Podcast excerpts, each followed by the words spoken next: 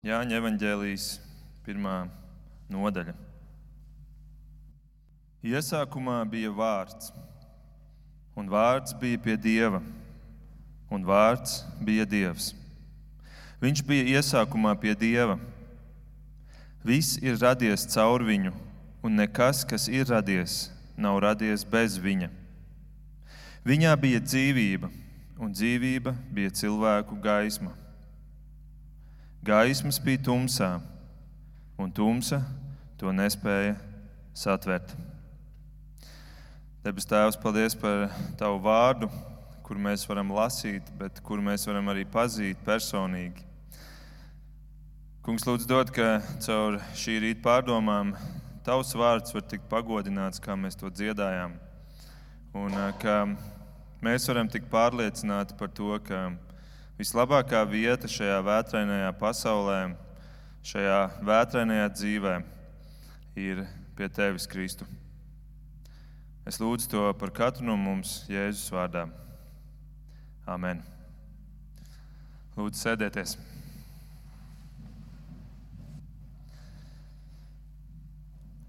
Jānis Pērkona dēls, Jānis mīlestības apustulis.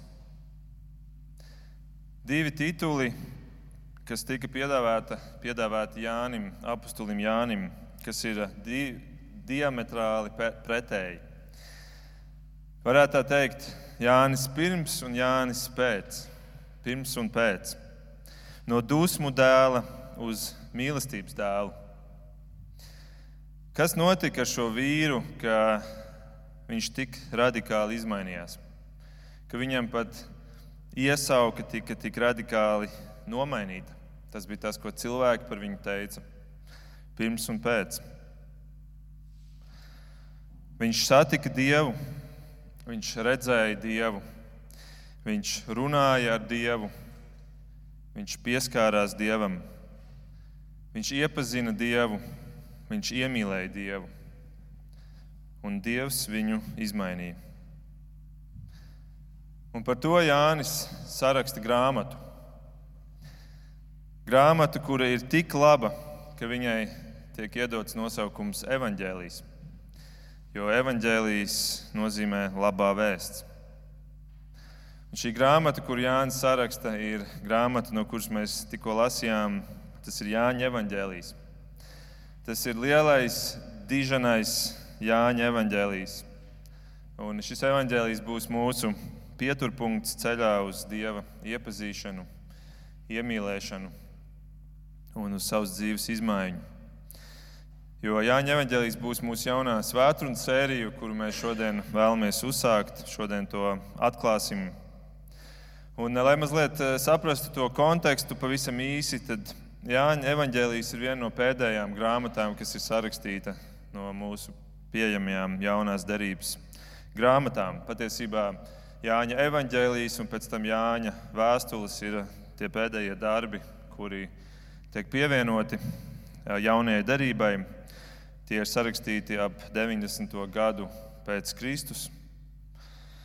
Un šis Jāņa evanģēlijs būtiski atšķirās no pārējiem trim evanģēlijiem, kuri tiek arī saukti par sinoptiskajiem, kas nozīmē līdzīgie evanģēliji.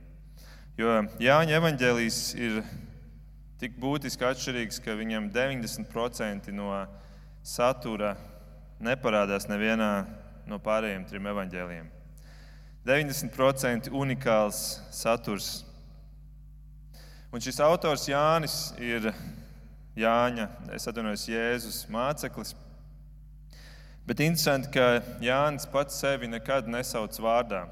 Viņš nereiz nesaka, es esmu Jānis vai Jānis šo ir sarakstījis. Tā vietā Jānis visur, kur viņš runā par sevi, lieto apzīmējumu māceklis, kuru Jēzus mīlēja.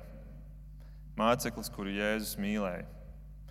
Es domāju, tāds labs tituls? Labs veids, kā, kā runāt par sevi. Un es domāju, ka tas ir kaut kas, ko mēs varam arī par sevi teikt.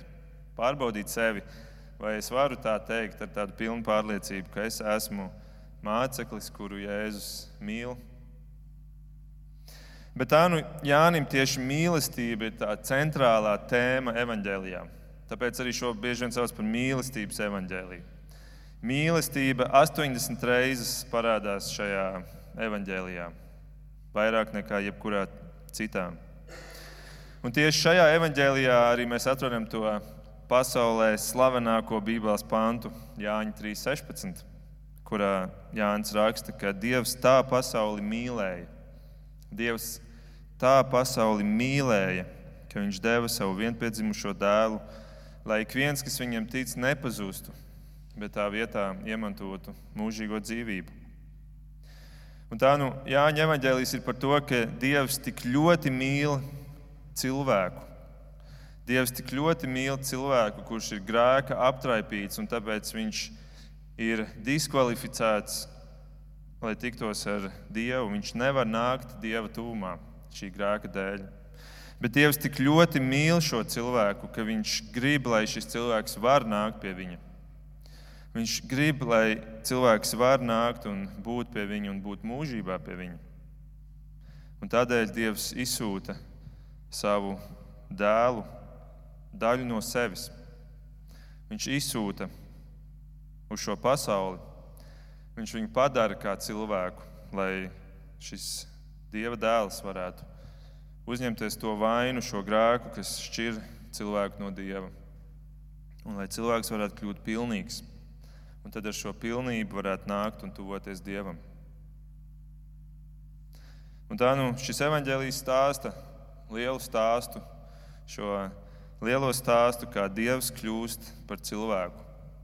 Un Jāņa mērķis šajā evanģēlijā ir pārliecināt savus lasītājus, pārliecināt par to, ka Jēzus ir šis Dievs, kurš tiek izsūtīts pretī cilvēkam ka Jēzus ir Dievs. Viņš nav tikai cilvēks, kurš staigāja viņu vidū, bet ka Jēzus ir Dievs.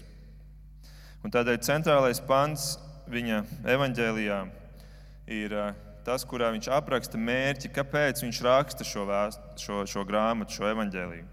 Un tas ir Jāņa 20, 31, kur viņš raksta, lai jūs ticētu, ka Jēzus ir Kristus, Dieva dēls, un lai jums, kas ticat, būtu dzīvība viņa vārdā. Tas ir tas lielais mērķis. Un arī, kad, kad um, mēs studēsim cauri šai sērijai, skatoties uz šo lielo grāmatu, tas mērķis ir, ka tu varētu tikt pārliecināts, ka Jēzus tiešām ir Dievs. Un tāpēc, ka Viņš ir Dievs, Viņam ir vara pār tevi, pār tavu dzīvi, pār tavām problēmām, pār taviem izaicinājumiem, pār tavām bailēm un šaubām. Viņš ir tiešām Dievs. Jo mēs reizēm sakam, jā, es esmu kristietis, es ticu, ka Jēzus ir Dievs. Bet tagad, kad tu paskaties uz savu dzīvi, tad ir jautājums, tu tiešām tici, ka Viņš ir Dievs? Tu tiešām tam tici, jo tev dzīve liecina par kaut ko citu. Un tāpēc Jānis sāk jau savu evaņģēliju ar vienu no skaistākajiem tekstiem visā Bībelē. Par to, ka iesākumā bija vārds. Iesākumā bija vārds. Kas ir šis vārds un kāds tas ir? Par to mēs šodien šajā pirmajā reizē gribam padomāt. Un kā ierasts, lai vieglāk uztvērtu šo domu, es esmu sadalījis šo tekstu trīs daļās, trīs punktos. Un es atgādinu, ka tātad Jāņa mērķis ir pārliecināt, ka Jēzus ir Dievs. Tādēļ viņš dod trīs argumentus par Trīs argumentus, kas apliecina to. Un pirmais arguments ir, ka Jēzus bija.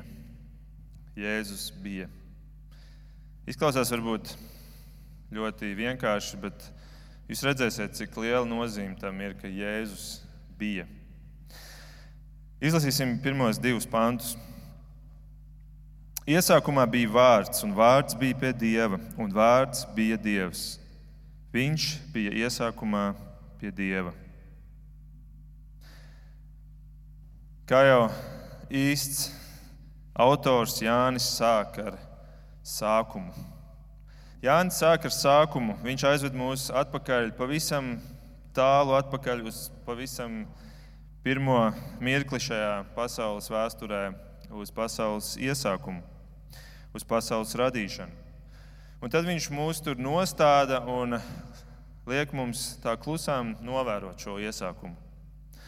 Un viņš vēlas, ka mēs redzam, ka šajā, šajos divos teikumos ir viens vārds, kas parādās ļoti daudz reizes, relatīvi daudz reižu. Un tas ir vārds bija. Paskatieties, cik daudz reizes ir vārds bija. Iesākumā bija vārds, un vārds bija pie Dieva, un vārds bija Dievs. Viņš bija iesākumā pie Dieva. Šis mazais vārds bija izskatās pēc tāda maza, viegla, nevainīga baloniņa, bet patiesībā tā ir svina bumba ar tik lielu svaru, ar milzīgu svaru. Jo šis bija ir izteikts imperfekta formā, kas varētu teikt, definīcija ir, ka tā ir pagātnes forma darbības vārdam, kas apzīmē ilgstošu darbību. Mēs varētu šo bija pārveidot vārdā turpināja būt. Tas bija nav tikai tāds viens mirklis, kā kāds teica, tas nav foto uzņēmums, bet tā ir filmiņa, tas ir video. Tas turpina būt, tā ir pagātne, bet tas ir video. Un, līdz ar to mēs varam lasīt šo teikumu šādi. Iesākumā vārds turpināja būt. Iesākumā vārds turpināja būt. Tātad, tad, kad sākās iesākums, vārds jau bija. Ja, vēlāk Jānis atklāja, kas ir šis vārds. 14. pantā šajā nodaļā viņš saka, vārds tāpa miesa un mājoja mūsu vidū un mēs skatījām viņa godību, tādu godību kā tēva vienpiedzimušajam dēlam. Tātad Jānis pasaka, ka Jēzus ir šis vārds. Un mēs varam teikt, iesākumā Jēzus turpināja būt. Tad, kad viss sākās, Jēzus tajā brīdī turpināja būt.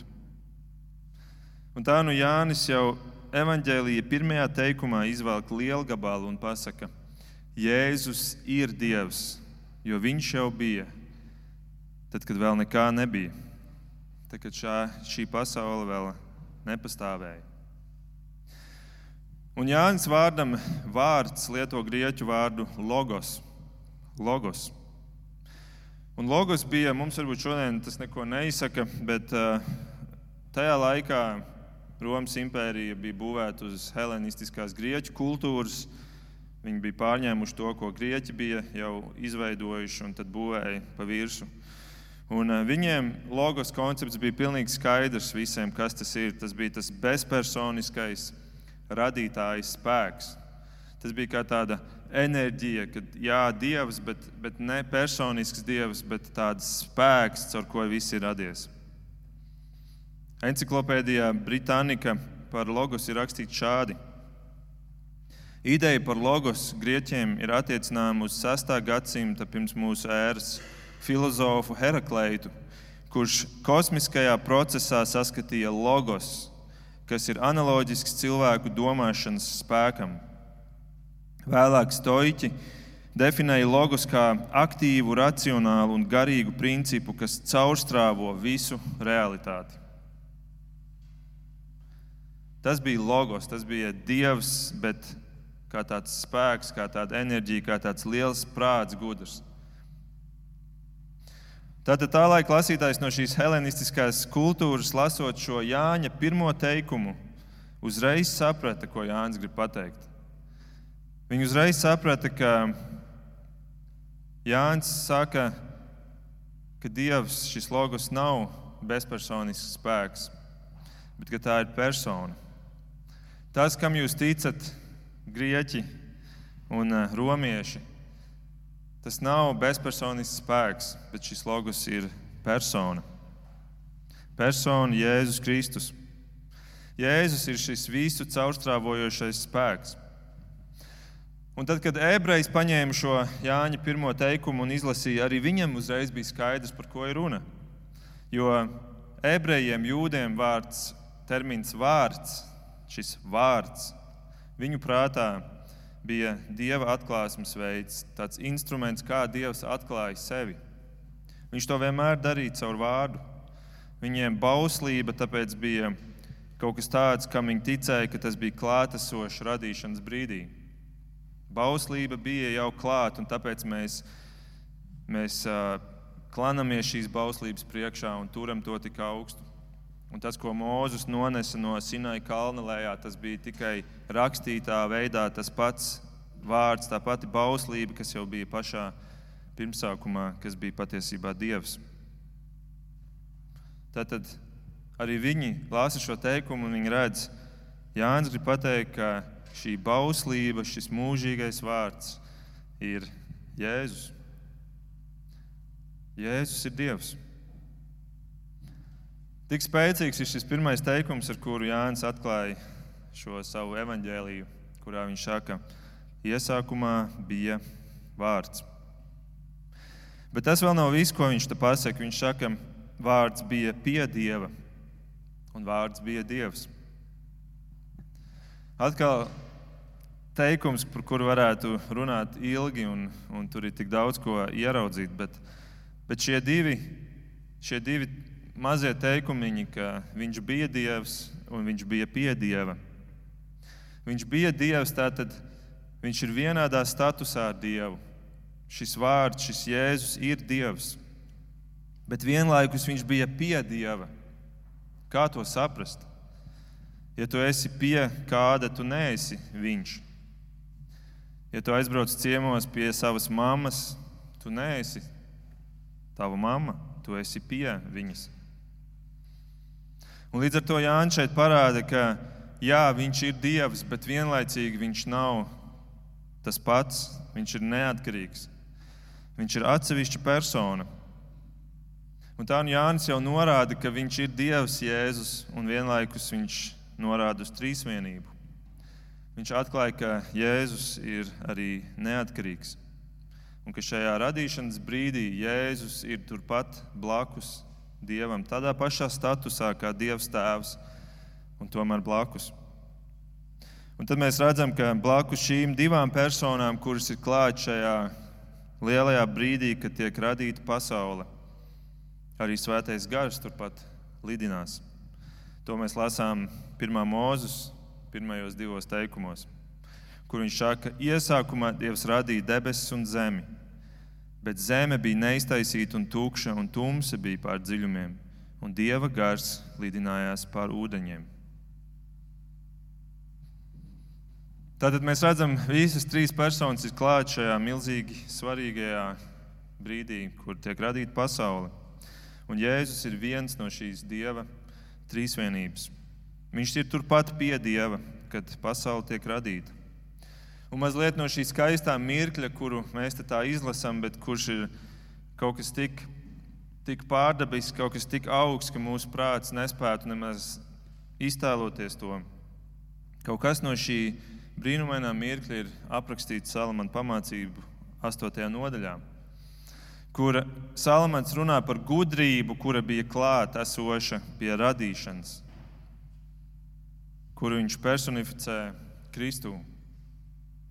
Tur ir dažos pantos teikts, kad viņš uzlika debesis, es biju klāt, kad novilka apvārsni dzelmē pāri, kad darīja stiprus mākoņus augšā un spēcināja avotus dzelmē, kad nolika jūrai robežu un ūdeņi stājās, kur viņš lika, kad nosprauda zemes pamatus, tad es biju viņam līdzās kā darbiniece un iepriecinājums dien dienā.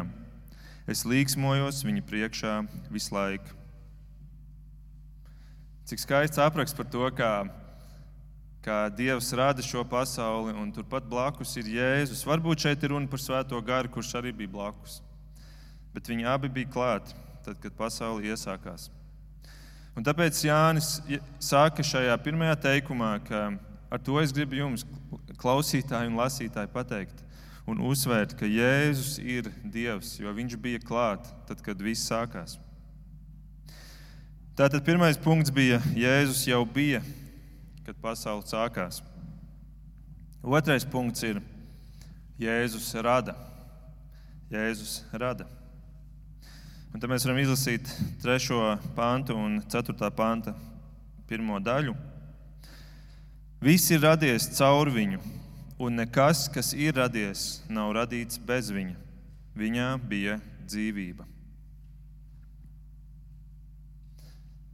Jānis mēģina pateikt, ka Jēzus ir Dievs, jo viss ir radies caur viņu.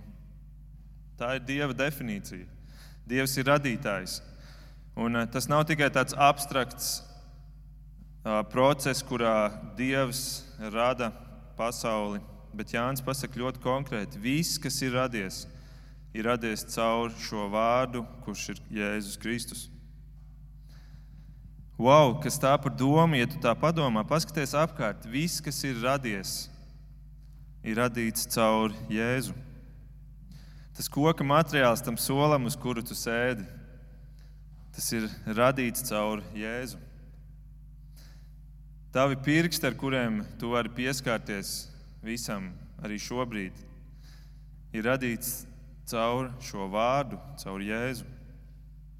Tas skābeklis, kuru tu ievelc visu laiku, arī šobrīd, savā nāsīs, tas ir radīts caur šo vārdu, caur Jēzu. Viss ir radīts caur viņu. Un nekas, kas ir radīts, nav radīts bez viņa. Un tad Jānis paskaidro, kāpēc tā ir.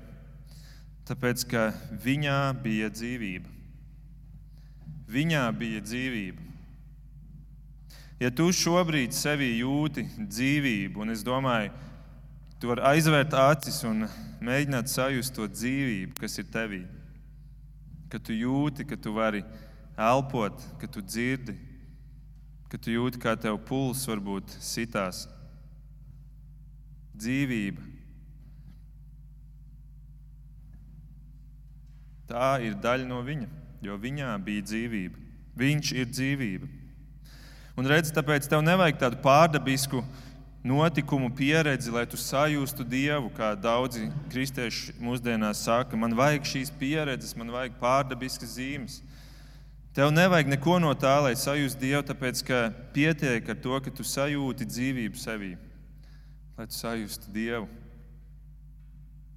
Pietiek ar šo dzīvību, kas ir tevī, lai tu sajustu Dievu, jo Jēzus šis vārds ir dzīvība.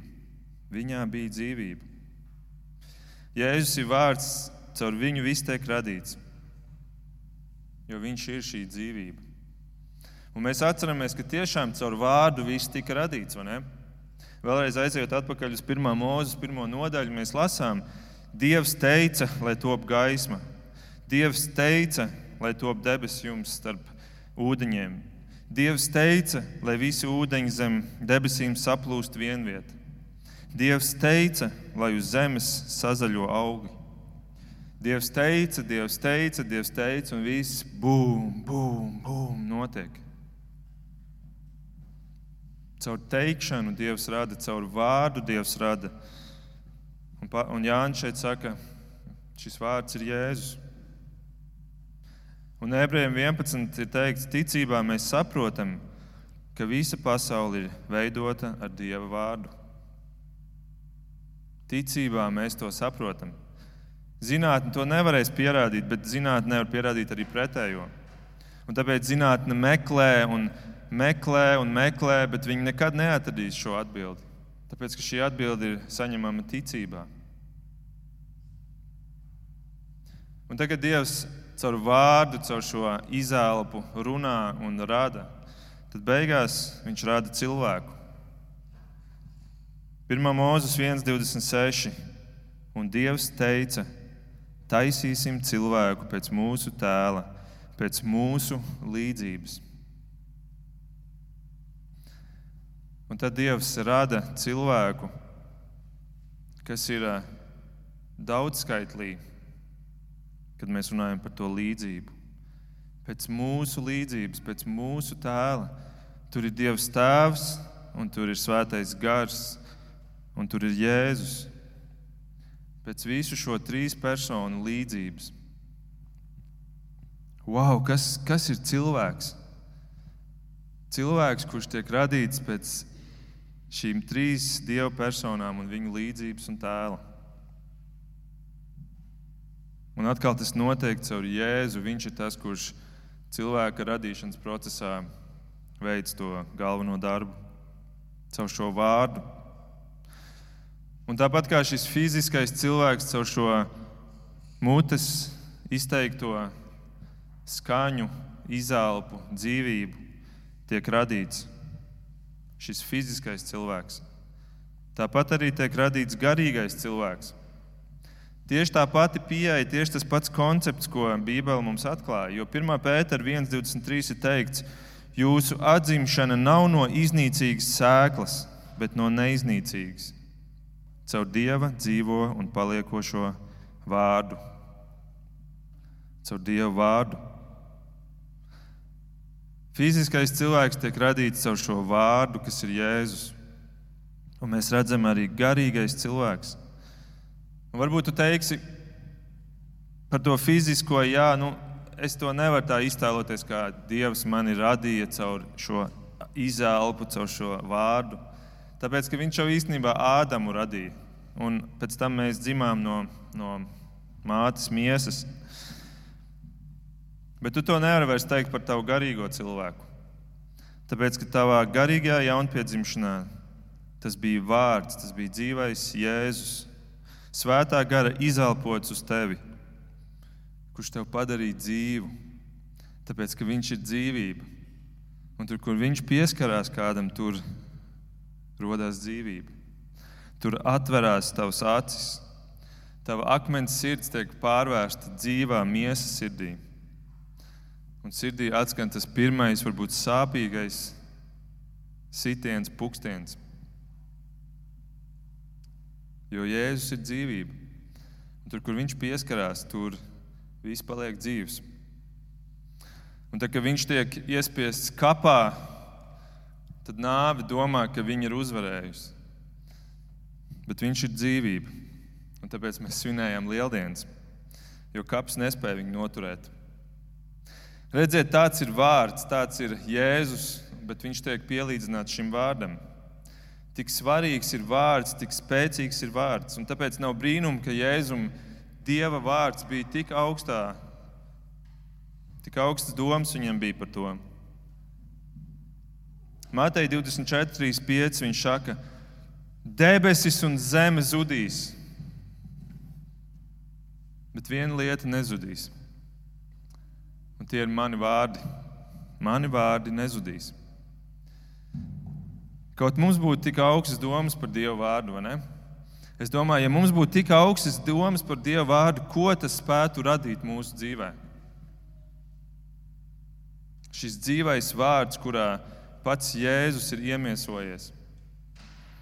Ebrejiem 4.12 ir teikts, tiešām Tad, kad teikums sākās ar vārdu tiešām, tad tas ir ļoti svarīgi un ar lielu mērķi pārliecināt tevi. Tiešām Dieva vārds ir dzīves un darbīgs. Un tas ir asāks par jebkuru apusgriezīgu zobenu. Tas duras cauri līdz sadala dvēseli un gāru locekļus un kaulu smadzenes un iztiesā sirds domas un nolūks. Tiešām Dieva vārds ir dzīves.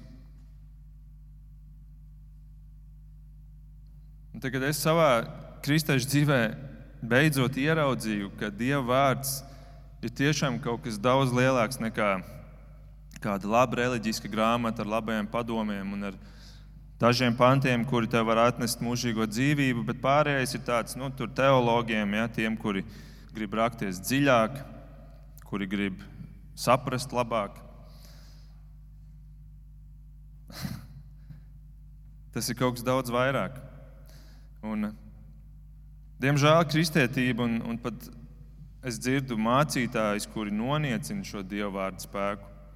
Viņi saka, ka tas jau tikai, tas jau tikai šķeļ un tas jau nav jāuztver tik tieši. Ar to runājot īstenībā pretī pašam Jēzum, kurš šo dievu vārdu cēla tik augstu. Un tad šie cilvēki brīnās, ka viņu dzīve ir pilna šaubām, nemiera, depresija, prieka izsīkums.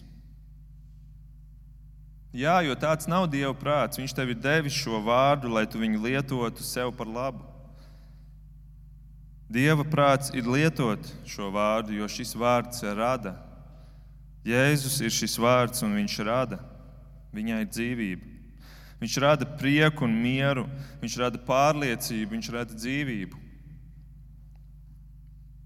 Un tādēļ vai nav interesanti, ka visgarākā nodaļa Bībelē ir tieši 119. psalms, kuru mēs ievadā lasījām? Jo šis 119. psalms ir veltīts tieši Dieva vārdam. Tas ir Dieva vārda psalms. Šis psalms oriģinālā valodā, ebreju valodā, sastāv no tādiem blokiem pa astoņiem pantiem. Astoņas reizes 22. Tāpēc kopā sanāk 176 panti. Jūs varat to pārbaudīt. Pa astoņiem pantiem, un katrs no šiem blokiem sākās ar vienu burtu ebreju valodā. Sākumā viss ir A burts, tad ir B burts un tā tālāk. Un tas iziet cauri visam ebreju alfabētam, no kur, kurām ir 22 burti. No A līdz B, un ja mēs ņemtu latviešu alfabētu no A līdz Z, mēs izietu cauri. Un visi panti, visi panti izņemot viens pants, piemin Dievu vārdu. Dažādās formās - baušļi, likumi, noteikumi, pavēles. Bet visi panti piemin Dievu vārdu. Un šis psalms, es, es ticu, mēģina pateikt to, ka tavai dzīvei pietiek ar Dievu vārdu. Tavai ikdienai pietiek ar Dievu vārdu no A līdz Z, jo tas spēj pasargāt tevi no ienaidniekiem un briesmām. Tas spēj iepriecināt tavu noskumušo sirdi. Tas padara gudrāku par visiem skolotājiem. Tas pasargā no iekāpšanas ļaunuma un grēka slazdā. Tas ir saldāks par medu. Tas ir kā lukturis, kas izgaismo tavu taku, pa kuru tev jāiet savā dzīvē. Šis vārds ir dzīves. Un tas nav tikai rakstīts burts, bet tas ir dzīvais Jēzus Kristus. Un to Jānis mēģina pateikt, lai tev pārliecinātu, ka Jēzus ir Dievs. Un Jēzus ir tik liels Dievs, tik varens Dievs, ka viņš pat var būt šeit, kā rakstītais vārds. Tātad Jāņa argumenti. Numur viens - Jēzus bija. Numur divi - Jēzus rada un numur trīs - Jēzus spīd. Jēzus spīd. Ceturtais pants un piektais. Un dzīvība bija cilvēku gaisma. Gaisma spīd tumsā, un tumsa to nespēja satvert. Tā, mēs dzirdam vārdu gaisma Bībeles kontekstā, tad parasti tas nozīmē prāta apgaismība, gudrība, atziņa. Bet tas var nozīmēt arī attīrīšanās no grēka, no šīs tumsas, kurā iespīd gaisma, izgaismojot tavu dzīvi, izgaismojot tos netīrumus, kurus tu slēpj savā dzīves mājā, namā, tumšākajās istabas stūros. Un Jēzus ir šī gaisma, kas nes gan šo prāta apgaismību, šo atziņu, gan arī Viņš ir tas, kurš nes šo attīrīšanos no grēka. Bet Viņš ir arī fiziska gaisma. Un tas tas interesantais Bībelē, ka tu paskaties uz to, kā Jēzus tiek parādīts. Fiziskā gaisma vienmēr ir bijusi spilgts simbols Dieva klātbūtnei. Piemēram, 2. mūzes 34. nodaļā ir apraksts, kā Mozus ir uzkāpis Sinai kalnā, kur viņš saņem šo bauslību no Dieva. Un tad, kad viņš kāpj lejā atpakaļ pie tautas, tad notiek kaut kas interesants. Tur ir rakstīts tā, kad Mozus nokāpa no Sinai kalna, abas liecības plāksnes tam bija rokā. Nokāpis no kalna, Mozus nezināja, ka viņa vaigs spīd, jo viņš bija runājis ar Dievu. Ārons un visi Izraēla dēli redzēja mūzu un redzi, viņa vaiga ādas spīdēja, un tie bijās viņam tuvoties. Liekas, tāds neticams apraksts, vai ne? Mēs neesam redzējuši cilvēku, kuram spīd vaigs. Bet interesanti, ka tu ej saulē, un vakar man bija iespēja bišķiņ pasēdēt saulē, un par to arī domāt, ka kad tu sēdi saulē un tev šis spēcīgākais gaismas objekts spīd virsū, tu paliec tumšāks. Bet tagad, kad tu nonāc dieva gaismas klātbūtnē, tavs svaigs spīd. Un tas, kas šeit notiek, ka Mozus nonāk un viņam beigās ir jāuzliek apmetnis ap galvu, lai neredz šie cilvēki šo vaigu, un lai neredz otru lietu, ka šī gaisma lēnām izdziest. Un tad vēlāk Ārons, šis viņa brālis, kurš arī redz šo visu epizodi, savos slavenajos svētības vārdos, 4. mūzika 6, 24 līdz 5, iekļauj šo interesanto domu. Tur ir rakstīts tā, šie tie vārdi, ar kuriem arī bieži vien mācītāji svētīja savu draugu. Tas kungs, lai tevi svētī un lai tevi pasargā, tas kungs, lai apgaismo savu vaigu pār tevi un lai ir tev žēlīgs. Tas kungs, lai apgaismo savu vaigu pār tevi. Redziet, un šī tāda doma, ka Dievs dara šo, šo, dod šo pārdabisko gaismu. Un tad, kad Jēzus ierodās, tad notiek kaut kas ļoti līdzīgs. Matei 17. ir rakstīts, Jēzus ņēma sev līdzi Pēteri, Jēkabu un Jāni, Jāni, kurš raksta arī šo evaņģēliju, viņa brāli, Jēkaba brāli, un uzveda to saurup kādā augstā kalnā. Un viņš, tas ir Jēzus, tapa pārveidots to priekšā. Viņa vaigs mirdzēja kā saule un viņa drēbes tapa baltas kā gaisma. Jēzus uzkāpa šajā kalnā, un viņš sāk mirdzēt kā šī saule. Viņš un visas viņa drēbes. Un eh, lieldienās, kuras mēs tikko svinējām, notiek arī kaut kas ļoti līdzīgs. Matei 28. Un redzi, notika liela zemestrīce, un kunga eņģelis nāca no debesīm Pienācis, novēla akmeni un apsēdās uz tā. Viņa izskats bija kā zibens un drēbes baltas kā sniegs. Sargi drebēja no bailēm un bija kā miruši. Redziet, atkal notiek kaut kas, nāk, nāk no debesīm, eņģelis, nāk dieva sūtnis un spīd kā zibens. Es lasīju, ka zibens radītā iluminācija ir vienlīdzīga ar simts miljoniem spuldžu. Ar simts miljoniem spuldžu. Un, um, par visu šo domu domājot, um, interesanti, ka man atsūtīja mūsu vīru chatiņā um, jā, viens, no, viens no brāļiem tādu interesantu uh, video, kurus arī pēc tam palasīju vairāk par, par tādu lietu kā Turīnas līķautu. Es nezinu, cik daudz jums ir, ir no jums par to zina. Es par to biju dzirdējis, un, un es to biju arī nolicis uzreiz nost kā tādu sazvērestības teoriju. Un, protams, tas ir kaut kas, kas joprojām ir atvērts jautājums, bet interesanti, ka ir atrasts šis līķauts, par kuru tātad ir tiek apgalvots, ka tas ir Jēzus līķauts, tā, ka viņš gulēja šajā kapā. Un viņš bija ietīts viņām no abām pusēm. Un, uh, uz šī līķauta ir redzama it kā Jēzus bilde, Jēzus seja un, un viss viņa ķermenis. Un, protams, uzreiz mēs esam skeptiski par to, par šādu veidu informāciju, bet interesanti, ka 50 gadu laikā zinātnieki ir mēģinājuši izskaidrot, kā radās šī bilde uz, šīs, uz šī audekla.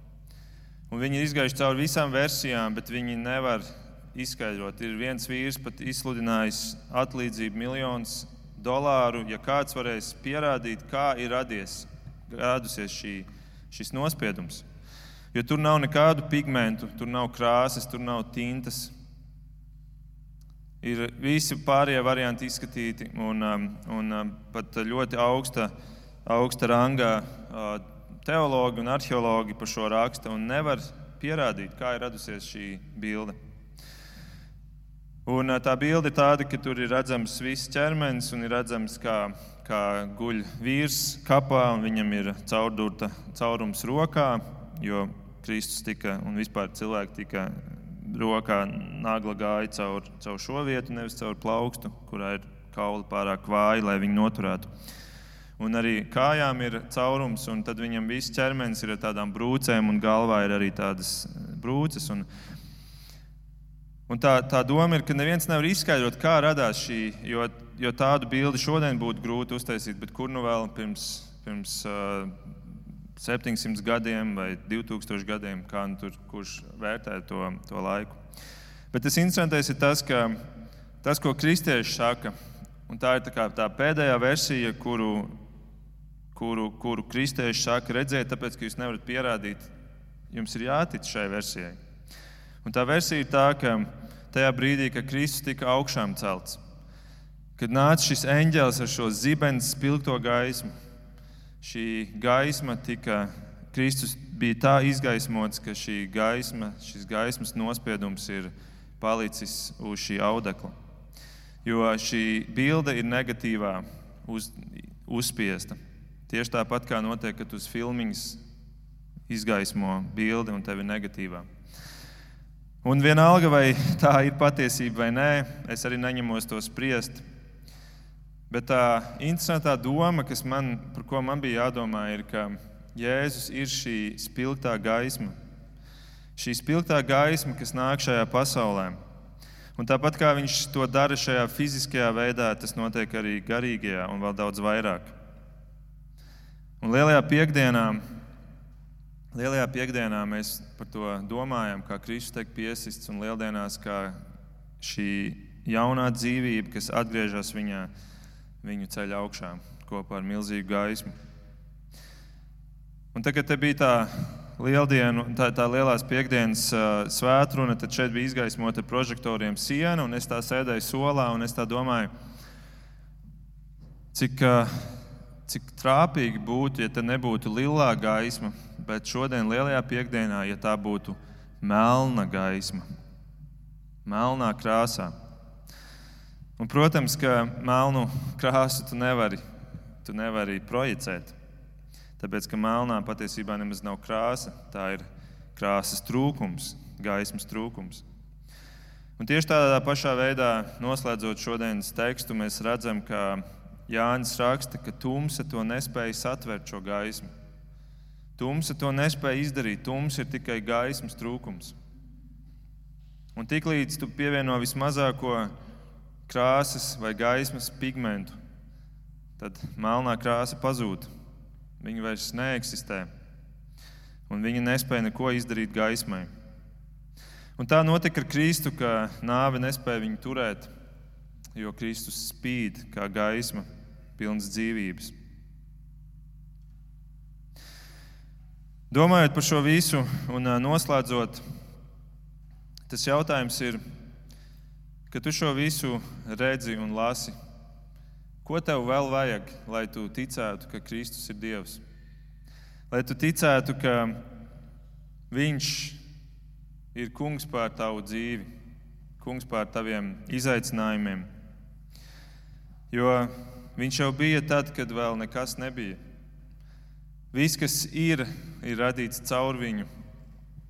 Un uh, tur, kur ir tumsa, Tur viņš var iespīdināt savu gaismu, un tumsai ir jāatkāpjas, un nav varas pār viņu. Un līdz ar to, ja tev ir Kristus, tev ir gan šī mūžība, šis, šis, šī mūžība, kas stāv pāri laikam. Tev ir dzīvība, un tev ir gaisma. Kas tev vēl ir vajadzīgs? Kas tev vēl ir vajadzīgs, lai nāktu pie viņa? un apzināti arī atdot savu dzīvi viņam. Varbūt kādam tas ir jāizdara pirmo reizi, un varbūt daudziem no mums tas ir jādara atkal no jauna. Lai Dieva vārds uzrunā mūs un pārliecina mūs un dod mums to spēku, kuru Bībele saka, viņš satur sevī, viņš spēj dot, jo viņš ir dzīves. Lūksim Dievu! Debes Tēvs, paldies Tev par Tavu vārdu, paldies par Jāni, kuru tu mīlēji. Un, ka tu vispār esi mīlošs Dievs, kurš visu šo dara, tāpēc, lai būtu pieejams cilvēkam, lai cilvēks kļūtu pieejams atkal Dievam. Tu esi gatavs iet cauri visām šīm sāpēm, caur cilvēku noraidījumu, caur pazemojumu, caur kaunu. Bet tu par to visu nebēdā tā prieka dēļ, kas ir tas prieks, kad mēs varam būt kopā ar tevi. Cik liels prieks tev ir, kad cilvēks var būt ar tevi. Kaut mums būtu tik liels prieks, kad mēs lasām un redzam, ka tu gribi būt kopā ar mums.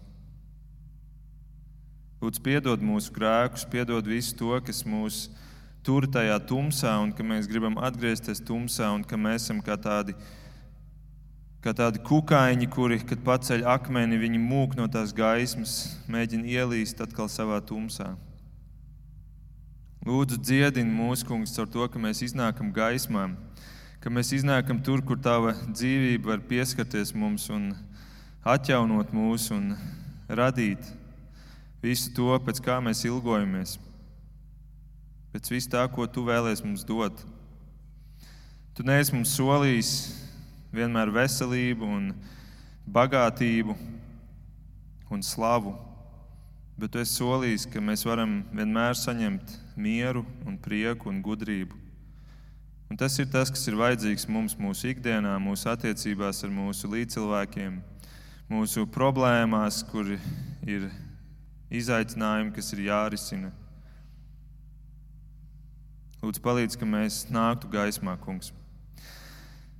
Paldies, Tev, Jēzu, un eh, lūdzu, svētī visu šo svētdienu sēriju, ka mēs varam caur to Tevi ieraudzīt labāk un ieraudzīt, kāds Tu esi, un nākt pie Tevis un tikt izmainīti, tā kā Tu izmainīji apstuli Jāni.